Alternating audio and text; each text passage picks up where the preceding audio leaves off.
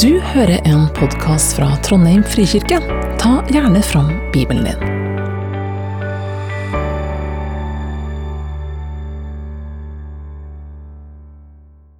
Vi leser fra første kongebok 19, vers eh, 11 til 13.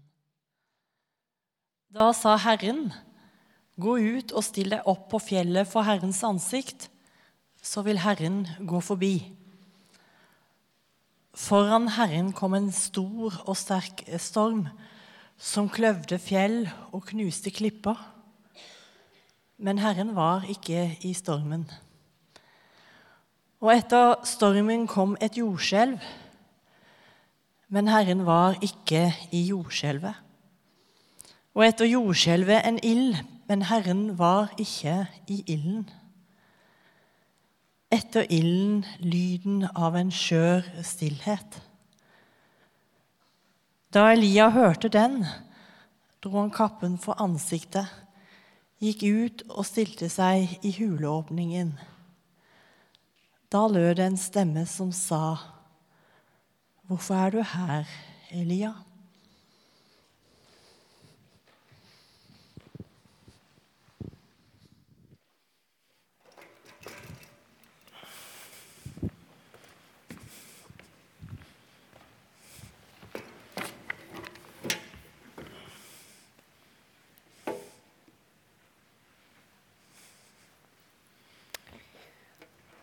Ja, god søndag. Jeg tenkte i dag jeg skulle snakke om et um, tema som har um, opptatt meg litt i den siste tida, og som egentlig som kunne passe godt i uh, fastetida òg. Nemlig stillhet. Skal vi samle tankene, kanskje gi bønn før vi fortsetter her? Kjære far. Takk for at uh, vi kan få lov til å samles om deg her i dag. Takk for søndagen. Takk for uh, det du vil gi oss. Så ber jeg om at du må åpne hjertene våre, åpne ørene våre og øynene våre, så vi både kan se og tale ditt ord her i dag. Velsign gudstjenesten og talen og det som du vil gi oss videre. Amen. Ja, jeg skal snakke om eh, stillhet. Og eh, Overskrifta er 'Lyden av skjør stillhet'. Hva er det med denne stillheten? Hvordan får vi tak i den? Hva gjør det med oss? Og hvorfor er den så nødvendig for oss? Og som mange av dere allerede kanskje tenker, så handler det her om å komme i posisjon for å lytte til Gud og høre det som Han har å si til oss. Og Da tror jeg det her med stillhet er én vei Gud kan bruke når han kommer med sitt nærvær. Ingebjørg nevnte i starten eh, av gudstjenesten her at det er òg andre veier som Gud kan bruke eh, når han vil tale til oss. Men stillheten er én av de, i hvert fall. Og det skal vi snakke om i dag. Og så vil jeg ta dere med på noen eh, fjellturer. Både i personlig og i bibelsk forstand. En av de her fjellturene det hørte vi nettopp eh, fra teksten som han Torunn eh, leste. Så kanskje dagens tema heller skulle være stille fjellturer. Vi skal komme tilbake til teksten seinere. Og før jeg fortsetter, så vil jeg jo bare si at eh, dette temaet det snakker like mye til meg sjøl som til dere som sitter her i dag eller hører på podkasten. Jeg syns ikke dette er så veldig lett, eh, og jeg kjenner at jeg blir personlig utfordra av dette temaet. Det er veldig lett å omgi seg med, med støy og lyd. TV-en som står på, musikk på øret eller en podkast som hele tida skal gå der. Men gjennom disse forberedelsene til talen så har jeg eh, i hvert fall sett at jeg trenger denne her. Jeg trenger denne stillheten her. Og det er egentlig noe som jeg lengter etter når jeg kjenner etter. Og en ting til før jeg fortsetter helt. Eh, jeg har brukt eh, to forfattere til eh, inspirasjon og litt ja, å hente ifra til, til, talen her. Det er Jostein Ørum og det er Thomas Sjødin. Mange av dere har kanskje lest bøker om han. Jeg tror vi kan finne noen bøker ute på bokbordet her eh, i gangen. Så det var dagens reklame, i hvert fall. Til jul så fikk jeg meg ei ny uh, treningsklokke. Den forrige, forrige den ble litt problematisk. Den slutta å oppdatere seg, og så slutta den å fungere. og det ble jo litt sånn problematisk og kjedelig, for når alle løpeturene skulle trekkes og alt skulle på Strava ikke sant? Det ble jo litt uh, trøblete. Men så skjønte jeg at uh, denne nye klokka den uh, var egentlig litt mer enn bare ei treningsklokke. Den måler pulsen min hele tida. Og den bedømmer hvordan det har det, ut ifra hvordan pulsen er. Ikke sant? Eh, og målet må jo være her ser det ut til å ha en god og lav hvilepuls. En situasjon som skal gjøre livet mitt harmonisk og godt. Og Da kunne jeg jo tenke seg at det er best å sette seg ned i sofaen, ro ned, ikke gjøre noen ting, slappe av og hvile hele tida. Få en ro i hele dagen. Det er sånn jeg skal oppnå hvilepulsen. Og det er det som skal gjøre meg energi. Men sånn er det jo egentlig ikke. For hvem er det som har lav hvilepuls? Jo, det er òg de som er aktive. Det er toppidrettsutøvere. De har lav hvilepuls. Men de har samtidig evnen til å få opp pulsen samtidig når det trengs. Og Her tror jeg vi er inne i noe med det her med stillhet og aktivitet. Hvile og arbeid.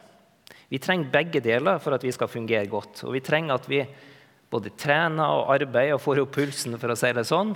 Og vi trenger de viktige øyeblikkene som kan gi oss hvilepuls. Og som sagt så syns ikke det her er så veldig lett. For personlig så er jeg skrudd sammen sånn at når jeg har det travelt, eller når jeg blir stressa, så øker aktivitetsnivået. Og da kjenner jeg at det er så veldig mye som jeg må gjøre. Jeg klarer ikke å sette meg ned og bare ta det med ro. Og Kona mi Ingebjørg hun kan nok kjenne igjen de der mønstrene. De er for meg ikke så veldig lett å kjenne der og da. Eh, men eh, det, liksom, det, er så naturlig å bare begynne å gjøre masse ting, og, og, noe må skje. Og aktiviteten min blir liksom en sånn ting som må gjøres for å slippe egentlig å kjenne på hvordan jeg egentlig har det. Men her tror jeg at vi trenger en balanse som jeg har sagt, mellom det aktive livet og hvilen vår. Mellom de ting som opptar tankene, og stillheten. Nå kan det jo virke som jeg setter likhetstegn mellom hvile og stillhet. og Jeg mener på en måte ikke det, men, men de henger liksom litt sammen, de der. der. Den fysiske støyen og aktivitetene må reduseres hvis vi skal kjenne både hvile og stillhet. I den siste målplanen til Trondheim frikirke, som dere var med å utforme nå i fjor, da står det litt om dette her. Og under det første punktet der, Jesus i hverdagen, så punkt fire der, så står det vi hjelper hverandre til sunne rytmer med balanse mellom arbeid og hvile. Og vi kunne også si mellom tjeneste og hvile. Og Da er det kanskje viktigst å fokusere på denne hviledelen. For det her med det aktive arbeidet det driver seg nesten fram av seg sjøl. Det går av seg sjøl der. Men stillheten og tilbaketrukkenheten den må vi jobbe litt for å få. Heldigvis så har vi noen som vi kan lære av her, og som har vist oss mange eksempler på denne gode rytmen i livet. Jesus sin egen livsbalanse. Jesus han levde et travelt liv, men han tok seg òg tid til stillhet og ro oppi alt annet. Jeg tror at det er en sunn rytme som vi kan ta lærdom av. Her er noen eksempler fra Jesus sitt liv. Jesus innvier sin tjeneste med 40 dager alene i ørkenen. Og før han valgte ut 12 av sine disipler, eller de tolv disiplene sine, så var han alene hele natta i eh, fjellet. Og etter en travel dag på jobben, da han metta 5000 mennesker, så stakk han av opp til fjellet for å være alene. Og nå er vi jo i sesong tre av eh, The Chosen. Og jeg vet ikke om noen husker de her episodene da Jesus sendte ut disiplene. Eh, to og to. Ganske fantastiske eh, episoder om, eh, som omhandler det der. Og I Matteus 6 så kan vi lese om det her. Så gikk de ut og forkynte for folket at de skulle vende om. De drev ut mange onde ånder og salvet mange syke med olje og helbredet dem. Og litt senere i kapittelet. Apostlene samlet seg igjen hos Jesus og fortalte dem, fortalte ham alt de hadde gjort, og alt de hadde lært folket. Kan dere se dere for dere det der? Etter de var sendt ut, to og to, de var sikkert veldig spent på hva som møtte de, og hvordan de skulle oppføre seg og gjøre. Men når de kommer tilbake, så er de oppglødd, engasjert for alt det de har fått vært med på. Det er mye fantastisk som har skjedd, og de har mye å snakke om og dele, og de samles. Kanskje var de så ivrige og, og fortsatte at de på en måte følte ikke hadde tid til å samles igjen. Men midt oppi der han her, så kommer det et vers. For da sier Jesus, 'Kom med meg til et øde sted hvor vi kan være alene, og hvil dere litt.'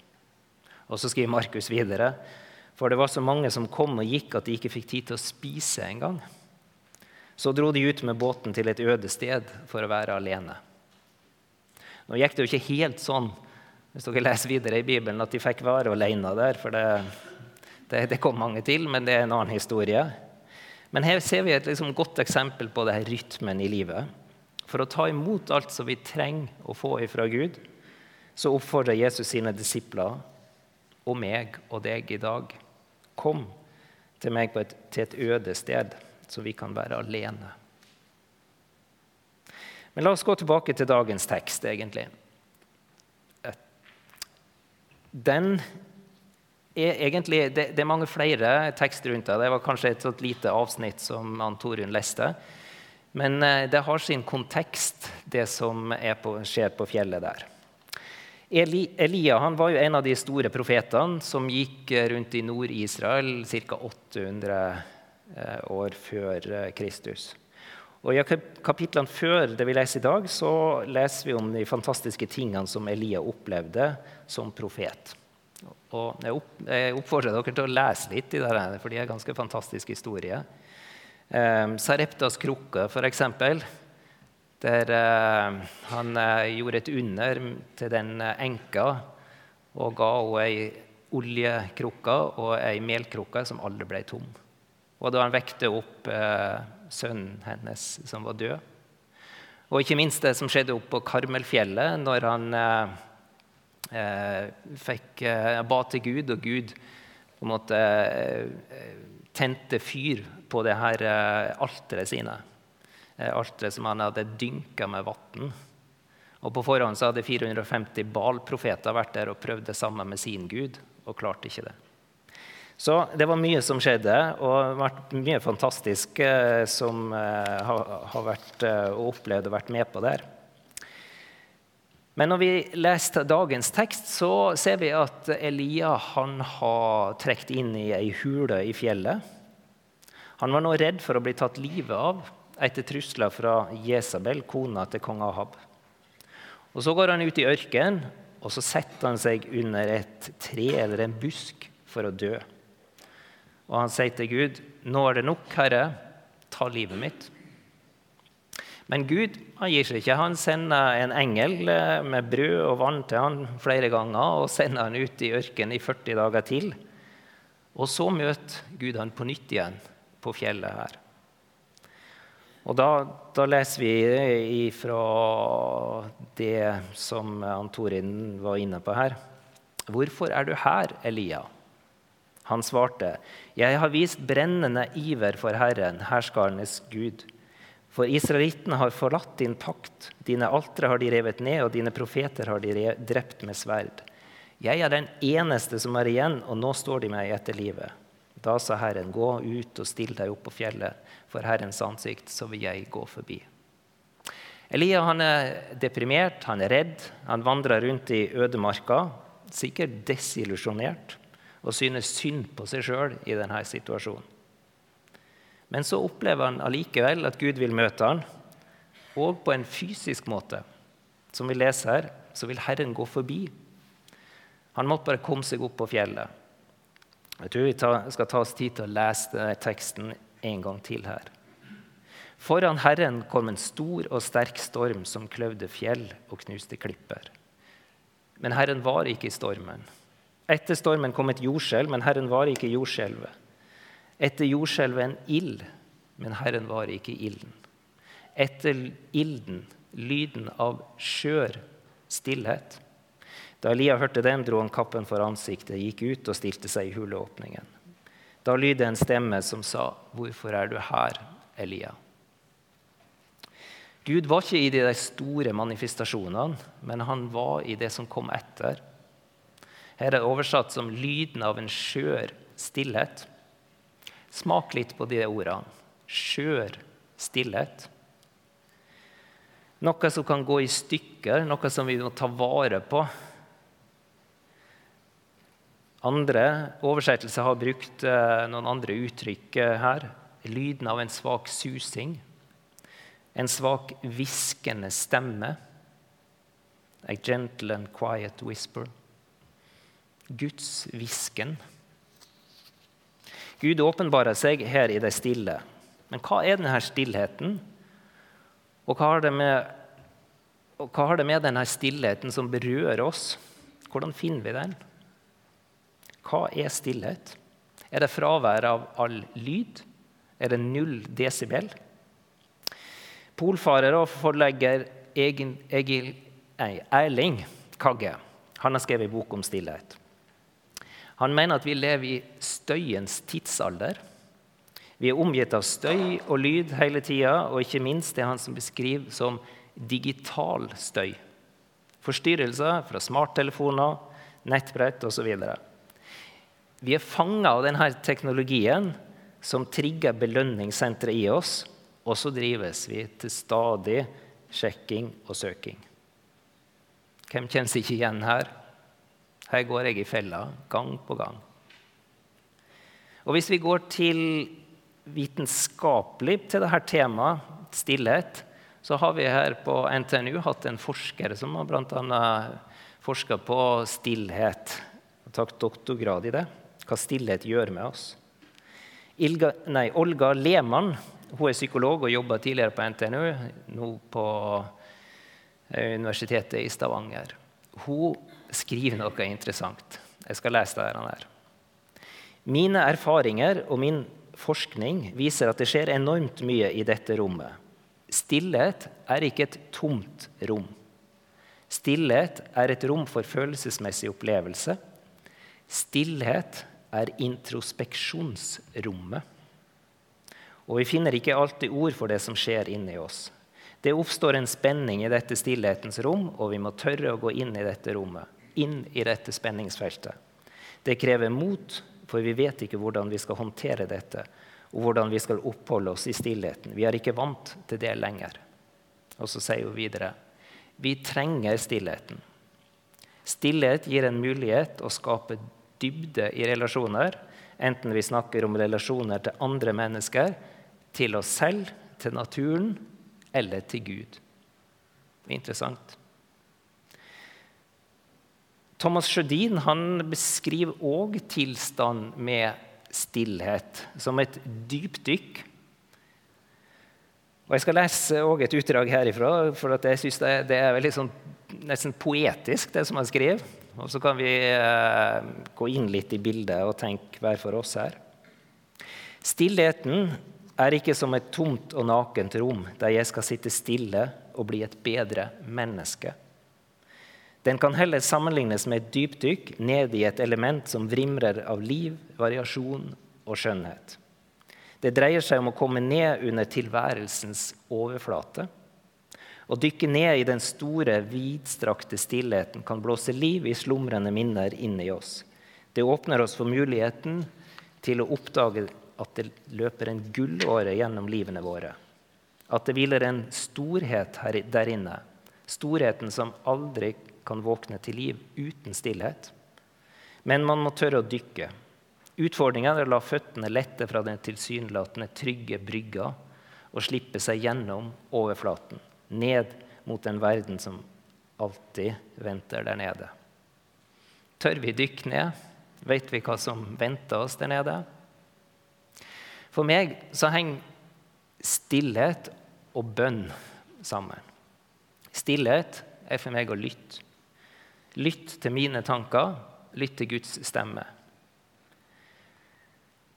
Martin Luther han definerte bønn som hjertets samtale med Gud. Det trenger ikke være lange, velformulerte bønner. Nei, egentlig ikke ord heller. Gud hører de sukk og de tankene som vi gjør oss når vi går inn i stillheten. Småpraten som går gjennom hodet vårt. Assosiasjonene som kommer. Dette kan Gud bruke til å lede oss. Og han kan si oss noe tilbake gjennom sine tanker i oss. Ja, Jesus selv lover jo oss hjelp gjennom Den hellige ånd. Han sier jo men talsmannen, Den hellige ånd, som far skal sende i mitt land, han skal lære dere alt og minne dere om alt det jeg har sagt til dere. Vi har hjelp av Han. I stillheten, i bønnen, så kan vi lukke Jesus inn i livene våre. Og En svensk salmedikter, Stina Andersson, hun får virkelig sagt det i ei setning her. Å be er å komme Gud så nær at han blir livet i vårt eget liv. Kjenn litt på den òg. Å be er å komme Gud så nær at han blir livet i vårt eget liv. Men hvordan kan, denne, hvordan kan vi hvile i denne stillheten og bønna? Og ikke bare oppleve at dette er noe som på nytt igjen må gjøres, noe mas og stress. Enda noe som vi må føle oss eh, forplikta til å gjøre. Og Da tror jeg vi må først ta, oss, ta, ta med oss hvem var det som først kom her. Det er det viktig å få med seg. Historien begynner med at det er Gud som vil møte oss. Det er ikke vi som vekker opp Gud og ber Han komme. Han var der før oss. Hvis vi kan oppdage at det er Gud som har kalt oss inn til møtet og står bak møtet, så er det bare for oss å møte opp. Vi trenger ikke sette opp en agenda for det møtet der, og vi trenger ikke forberede oss heller på det møtet der. I møte med Gud i stillheten så er vår avtale egentlig bare å møte opp. Så har Gud sagt at han vil sørge for alt det andre. Og Jesus han ga oss en oppskrift på hvordan vi skulle be, og hvordan vi skulle legge til rette for at Gud kunne tale til oss gjennom stillheten. Vi kjenner jo de versene her. Men når du ber, skal du gå inn i rommet ditt, lukke døren og be til din far som, skjulte, som er i det skjulte. Og din far som ser i det skjulte, skal lønne deg. Når dere ber, skal ikke ramse opp ord slik hedningene gjør. De tror de blir bønnhørt ved å bruke mange ord. Vær ikke lik dem, for dere har en far som vet hva dere trenger, før dere ber han om det. Vi anbefales altså å gå inn på rommet vårt, lukk døra, steng ute det som forstyrrer. Jesus sjøl brukte naturen, han brukte fjellet, ødemarka, ørken. Der kunne han stenge av det som forstyrra han. I boka til Jostein Ørum så forteller han en historie da han var på pilegrimstur i England til øya Lindisfarne. Og Der møtte han eh, presten og forfatteren Roy Simpson. Og Sammen med noen andre nordmenn så fikk de et møte med han, og en samtale med han der. Og Etter at han, eh, Roy hadde prata en god stund, så var det en av eh, nordmenn som eh, rakte opp handa og så spurte han du, kan ikke du oppsummere alt dette her, sånn at vi enkle nordmenn kan forstå, i én setning? Hva sa han da? Jo, bli kvitt overvekt. Gjør plass på innsiden. Bli kvitt overvekt. Gjør plass på innsiden. Overvekten det er vel det som på mange måter holder oss fast. Det som opptar og binder tankene våre og hjertet vårt sånn at ikke det andre får plass, og at vi åpner oss opp for andre ting. Det kan være det som fyller hverdagen vår, det kan være fritidsaktiviteter, arbeidet, det som fyller hodet vårt, sånn at det til slutt blir fullt. Alle Netflix-seriene som vi bare må få med oss. Siste oppdateringer på sosiale medier. Jostein Ørum han skriver òg at overvekt er også det vi enda ikke har, men det vi bruker dagene på å ønske oss. Det som ligger beslag på tiden, vil etter hvert også legge beslag på hjertet vårt. Her i denne stillheten så kan vi få oppdage vår egen overvekt. Og vi kan få legge av hele denne overvekta hos Gud. Enten det er noe som vi sjøl har tatt med oss, eller noe som vi har mottatt fra andre. Hør bare hva Jesus selv sier. Kom til meg, alle dere som strever og har tungt å bære, overvekt, og jeg vil gi dere hvile. Hvis dere vil høre en god eh, utlegging av det, om det bibelverset og det som er der, så hør på Lise sin tale 18. februar, tror jeg det var, om eh, det hun snakka om der han er. Godt å få med seg. Men når vi er inne på det her med stillhet og meditasjon, så kommer vi jo ikke utenom å nevne tidligere biskop i Sverige, Martin Lønneboe. Lønneboe han døde for under et år siden, 93 år gammel, og var vel en av de store kirkelederne i Norden som virkelig har satt spor etter seg. Skrevet mange bøker, og kanskje vi kan finne noen ute her eh, på, på, bokbordet. Jeg har ikke sett dette, men eh, han er kjent for å, å skrive veldig godt der. Og i, i, i, boka av Thomas Sjødin, 'Lyden av stillhet', den boka der, så beskriver han et fantastisk møte med han på 90-årsdagen hans. Eh, og vi leser der, og det, det er Lønnebo som siteres da. Hvordan henger stillheten sammen med lydens og ordenes verden? I kristne sammenhenger sies det jo at ordene er det eneste man skal holde seg til. Det som det eneste som er viktig. Stillheten er ikke viktig. Vi har mistet koblingen mellom stillheten og ordene i troens og bønnens verden. Man kan ikke si at bønn forutsetter ord. Ordene er naturlige hjelpemidler, men selve stillheten kan også være bønn. Det er sukk som ikke kan uttrykkes i ord fra Den hellige ånd.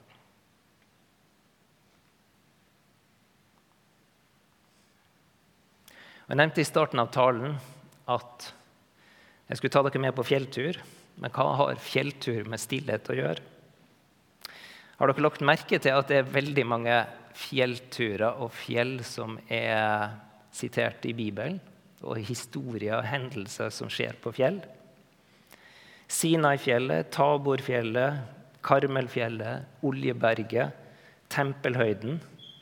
Og så er det lett å få assosiasjoner til eh, Eh, fra dagens tekst og til eh, da Jesus tok Peter, Johannes og Jakob eh, opp på fjellet, og de så at Jesus ble forvandla. Jeg liker å gå i fjellet, men ikke, ikke alltid med målet å komme på den høyeste toppen der. Men det er liksom noe fantastisk å flyte gjennom landskapet og få oversikt over området. Gå i passe tempo og la tankene fly. Det gir meg i hvert fall mange gode opplevelser og minner. Men kanskje noen har assosiasjoner med fjell som hindringer, prøvelser, noe som er uovervinnelig, oppoverbakker. Ja, fjell kan være òg det. Men i dagens sammenheng, det som jeg snakker om i dag, så tenker jeg mer på det her å ha en plass til å oppleve noe godt sammen med Gud kan vi tenke oss at vi alle trenger et fjell å gå til. En høyde å bestige, et sted der Gud kan møte oss. Et fjell der Gud går forbi, sånn som Elia opplevde det. En skjør stillhet som vi må ta vare på, en stille hvisken fra Gud. Har vi noen sånne fjell? Har vi noen høydedrag? Steder der vi kan møte stillheten. En plass som er nær himmelen eller en ødemark der vi er helt avhengig av Guds omsorg og ledelse. Salmisten skriver jo 'Jeg løfter mine øyne opp mot fjellene. Hvor skal min hjelp komme fra?' Har vi noen fjell vi kan løfte øynene opp mot i hverdagen vår, der vi har livet vårt?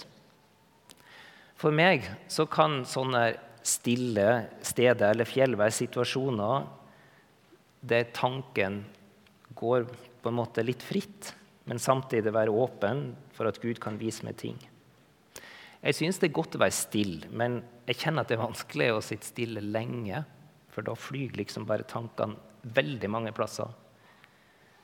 Men jeg har noen plasser som jeg syns er mer konkret. Sånn f.eks. på joggeturene mine. Da kan jeg liksom la tankene fly, og jeg kan være åpen. Og jeg bruker det litt til bønn eh, når jeg eh, er ute og løper der. Og når jeg skal forberede tale, for eksempel, så må jeg ha noen sånne eh, løpeturer og få noen ideer. Og så kommer jeg etterpå hjem og så skriver de ned og, og, jobber med det. Så, sånn jobber Gud gjennom stillheten hos meg. Eller på kontoret om morgenen før jeg begynner arbeidet. Så har jeg en podkast som eh, har tekst og litt musikk og en sånn rolig meditasjon med noen spørsmål til teksten. Bruker noen få minutter stillhet, og jeg føler at Gud kan bruke meg og, eller tale til meg akkurat i det der. Det er sånne ting som jeg har. Eh, men dere andre har sikkert veldig mange andre forskjellige eksempler på sånne stille steder. Noen bruker retreat for å oppnå en form for stillhet. F.eks. dager på Lia gård uten samtaler. Noen har vært der. Det viktigste er vel at vi alle klarer å finne sånne små fjelltopper i hverdagen. På bussen, i bilen, på gåtur til jobb eller i naturen. Og kanskje det som vi er aller mest i hjemmet vårt, ved kjøkkenbordet, før vi skal sovne om kvelden, eller hvis det ikke er noen andre plasser i huset som det er fred og ro, på do. Vi, har, vi, må finne oss en plass der det er ro, og at vi kan tenke og få inspirasjon fra Gud. Martin Lønneboe, som jeg tidligere eh, nevnte, han har gitt oss to konkrete eksempler og gjenstander som kan hjelpe oss her. Det ene er Kristuskransen, og det andre er faktisk lysgloben. En sånn som står der framme. Lønneboe han fikk faktisk laga en første lysglobe i 1968 i forbindelse med en gudstjeneste i eh, Oppsala. Da skulle det være Kirkenes verdensråd, skulle ha TV-overføring derifra. Martin Luther King skulle tale der. Han ble jo skutt like før. Så det gikk ikke Eller han kom jo ikke da, sjølsagt. Og eh, da fant eh, Martin Lønneboe ut at han skulle lage noe som kunne være hjelp til forsoning og bønn. Så han fikk laga en sånn jordklode der at man kunne sette noen lys på. Og det her ble jo kringkasta og spredd utover hele verden. Og i dag så har vi en sånn form for eh, lysglobe her. Jeg tror mange er glad for at vi, vi har den, at vi kan tenne lys og være i stillhet og bruke litt tid på det. Det er en sånn konkret ting. Det andre tingen er denne her. Kristuskransen. Noen har kanskje eh, kjent med den. Men de som ikke kjenner den, det er en, eh, en bønnekrans. Det er et perlekjede av eh, 18 forskjellige perler som har en litt sånn symbolsk betydning. Vi har gudsperlen, jeg-perlen, ørkenperlen, eh, eh, dåpsperlen. Og innimellom så har vi seks stillhetsperler. Perler som skal gjøre at vi kan trekke pusten i hverdagen. Og Kransen den skal hjelpe oss til å tenke på at det finnes en annen åndelig dimensjon oppi hverdagen. Oppi alt som skjer. Jeg syns faktisk det hjelper. Jeg har hatt en sånn det siste året. Og hos meg så ligger den ofte i lommen på, på dagen. Og jeg kan liksom ikke unngå å kjenne den. Da er den der. Og så kan jeg se et sekund på den. Ja, den perla der. Da kan jeg be en kort bønn om det, eller jeg kan tenke på det. Og sånne ting som kan Gud praktisk hjelpe meg i hverdagen med å få en lite brøkdel av et uh, minutt til en stillhet og en tanke. Vi skal gå mot en avslutning nå. Uh, men jeg håper at du på samme måte som meg eh, får lyst til å liksom utforske denne stillheten litt mer. Og om du kjenner at livet overvelder deg, og at det er lite tid for ro, og at stillheten synes veldig fjern. Livet kan noen gang kjennes sånn ut, men husk at Gud er der allerede og har allerede invitert deg til et møte, om det er superkort eller langt. Og Noen ganger kan det være fint å gjøre dette her sammen med noen. I kirka så har vi mulighet for forbønn. Enten det er på gudstjenester her etterpå, eller i smågruppene, eller det på kontoret inne hos pastorene. Og bruk det. Bruk muligheten til å be sammen med noen andre hvis du kjenner for det. Så må vi helt til slutt også få med oss hva skjedde etter at Elia hadde møtt eh, Gud i stillheten. For Elia han ble jo ikke der oppe hele tida på, på fjellet. Nei, Gud spør igjen. Elia, hvorfor er du her? Og på nytt så begynner han å klage over situasjonen sin. Han har det, så de er etter han, og han har det trasig. Men da sier Gud til han, gå tilbake den veien du kom, og ta så veien gjennom ørkenen til Damaskus. Når du kommer dit, så skal du salve Hasael til konge over arameene. På samme måte så tror jeg at Gud vil bruke oss i dag. Han ønsker å treffe oss i stillheten på våre fjell. Men han vil òg sende oss ned fra fjellet og ut i hverdagen med det vi har fått. Og han har lova at han vil være med oss og gi oss styrke til der han er. Så til slutt et bibelvers som jeg syns oppsummerer alt sammen her. Ta det med dere. Ta med Guds løfter for der han er, inn i uka som kommer. I stillhet og tillit skal deres styrke være, sier Gud. Takk for at du hørte på. Velkommen til gudstjeneste søndager klokka 11. Mer informasjon finner du på trondheim.frikirke.no.